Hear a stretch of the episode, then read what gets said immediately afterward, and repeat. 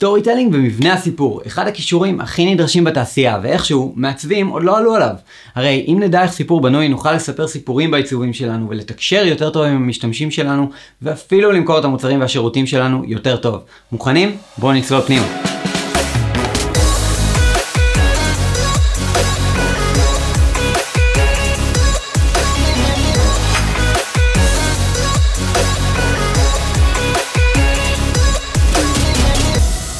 אוקיי, okay, בסרטון הבא אני רוצה להציג לכם את מבנה הסיפור ולהראות לכם איך זה קשור לחוויית משתמש. הרי סיפורים, כולנו אנשים של שבטים, אנחנו רגילים לשבת סביב מדורות ולספר צ'יזבטים. ככה אנחנו מונעים אנחנו מונעים על ידי סיפורים, תחשבו גם על דת, תחשבו על כל נרטיב שאי פעם אה, נשתל בכם ואז גרם לכם לשנות זווית ראייה ו- ולפעול בצורה כלשהי. הרי בסופו של דבר אנחנו מתחברים לסיפורים. storytelling זה אחד הכישורים הכי חזקים שלנו בתעשייה, אבל איך בנוי סיפור? ולמה אנחנו בכלל לא חושבים על זה שאנחנו מעצבים? אני רוצה שתתחילו לחשוב על זה, ובואו נתחיל לעבור על מבנה הסיפור.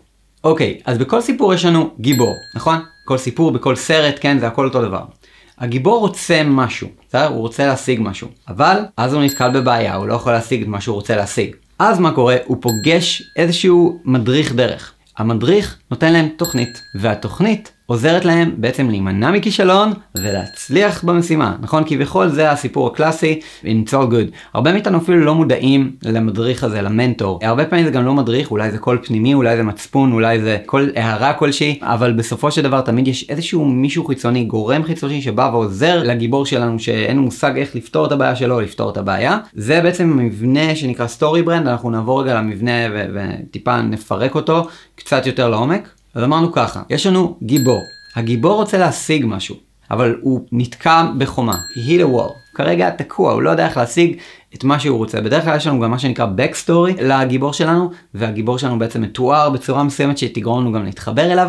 אני עוד שנייה אגע גם איך, ואז בעצם אה, אותו גיבור נתקל באיזשהו קושי, משהו שהוא רצה להשיג והוא לא יכול להשיג אותו, ולפעמים זה כולל גם אה, אפילו לעבור למקום חדש גיאוגרפית, ואז פתאום הוא חשב שהכל יסתדר וזה לא מסתדר, ואז אה, לגמרי לא מה שהוא חשב, ואז יש איזושהי בעיה, ובקיצור, אה, ככה בנוי סיפור, סיפור בנוי במובן של... של יש גיבור, הוא רוצה משהו והוא נתקל בחומה, הוא לא יכול להשיג, הוא מרגיש שהוא לא יכול להשיג את מה שהוא רוצה להשיג. עכשיו, פה בשלב הזה מגיע מנטור. המנטור, עכשיו זה מנטור יכול להיות, כמו שאמרנו, מנטור חיצוני, זה יכול להיות גם קול פנימי. המנטור בא, נותן לו תוכנית וקורא אותו לפעולה. הגיבור אז יוצא לדרך, ועל הדרך הוא נתקל בקונפליקטים, זה לא, הרי אם הגיבור מקבל תוכנית פעולה מהמנטור, יוצא, משיג את מה שהוא צריך, הסיפור לא מעניין, נכון? אנחנו לא יכולים גם להתחבר כל כך לגיבור, קונפליקט. גם בעיצוב, נכון? בעיצוב יש לנו קונטרסט, והקונטרסט יוצר עניין ביצירה שלנו, גם במוזיקה יש עניין של קונטרסט, ובסיפורים יש קונפליקט. הקונפליקט בעצם הוא מה שמייצר את העניין בסיפור.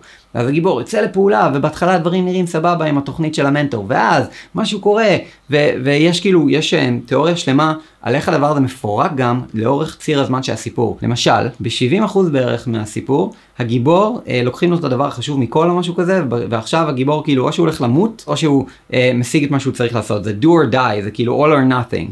זה ב-70%. ב-50% אגב, יש איזשהו שלב שהגיבור קולט שהחיים שלו כנראה פשוט לא יראו אותו דבר בחיים. אז הוא כנראה, is might as well continue ולהמשיך עם התוכנית. כי הוא, הוא עכשיו פיקח, הוא, הוא הבין את המציאות שהוא נמצא בה, והוא חייב להשיג עכשיו את מה שהוא צריך להשיג. אז הגיבור יוצא לדרך, הוא נתקע בקונפליקטים על הדרך, אבל אז הוא משיג את המטרה.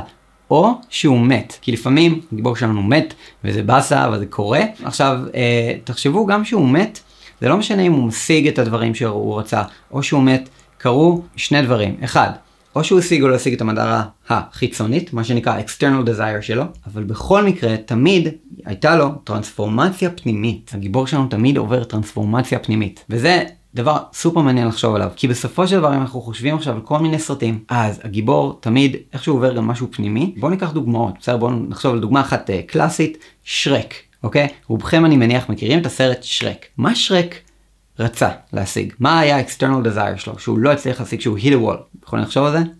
הוא רצה להציל את הביצה שלו ושיעזבו אותו בשקט, נכון? זה היה ה-external desire של שרק. אבל בסופו של דבר מה ה-internal transformation או internal desire של שרק? מה באמת הוא רוצה להשיג? Deep down inside, כאילו בתוכו, מה הוא רוצה להשיג? ואני אתן לכם רמז, זה משהו שכולנו רוצים להשיג. שרק, כל מה שהוא רוצה להשיג זה שיקבלו אותו. הוא רוצה להיות, ש- שיקבלו אותו כמו שהוא. מי מאיתנו לא רוצה שיקבלו אותו כמו שהוא? כולנו שרק. זה ברגע שאנחנו חושבים וואלה כולנו שרק. זאת הסיבה שאנחנו יכולים להתחבר לדמות הזאת כל כך. כי בסופו של דבר אם אנחנו חושבים על זה אין לנו ביצה אנחנו לא אוגרס נכון? אנחנו לא מפלצות ו- ואין לנו את כל הדבר הזה בעולם קסום עם כל דמויות הדיסני כאילו אי פעם. זה זה לא קורה. אבל מה שכן אנחנו יכולים להתחבר זה שאנחנו רוצים שיקבלו אותנו. מי מאיתנו לא נכנס למעלית ו...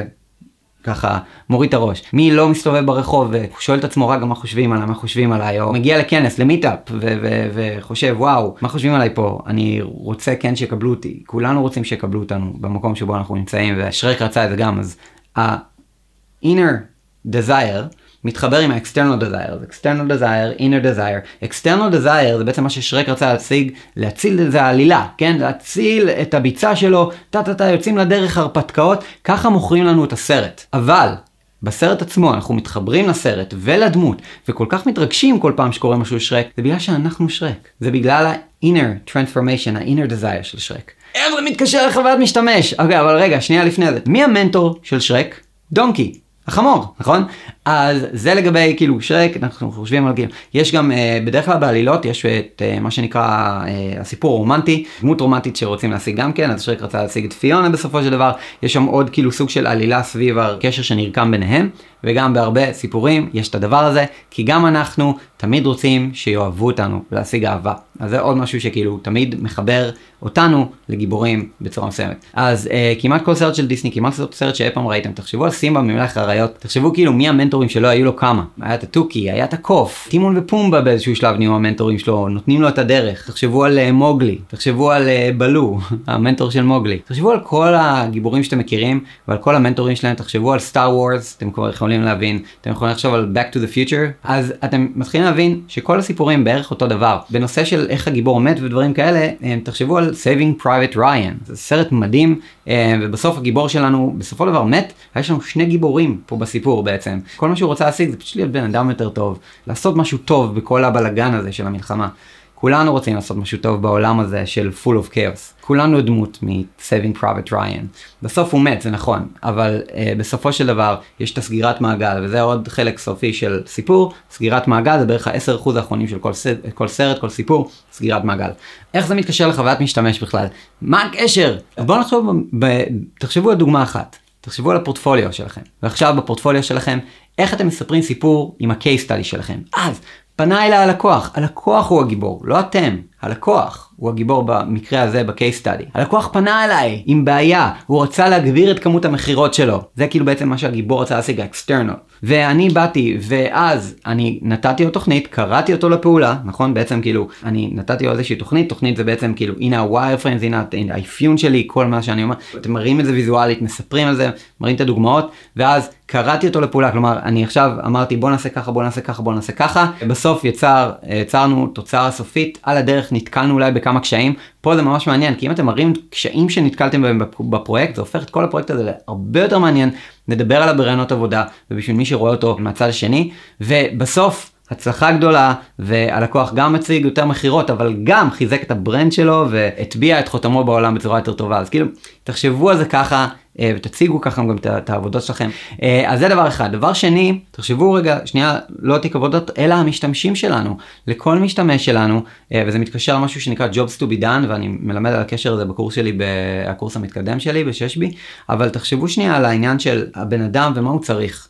כרגע, אם אנחנו בונים אפליקציה, מעצבים אפליקציה, מה ה-user שלנו צריך? תחשבו על זה רגע, כי בסופו של דבר יש לו external desire, הוא צריך להשיג משהו, וגם יש לו internal desire, הוא רוצה לעבור איזושהי טרנספורמציה. אחת הדרכים הכי טובות להגיע לטרנספורמציה הזאת זה לשאול שבע פעמים למה. למה אתה בא לעשות מה שאתה עושה אדון משתמש? Hmm, כי אני רוצה להשיג יותר לקוחות.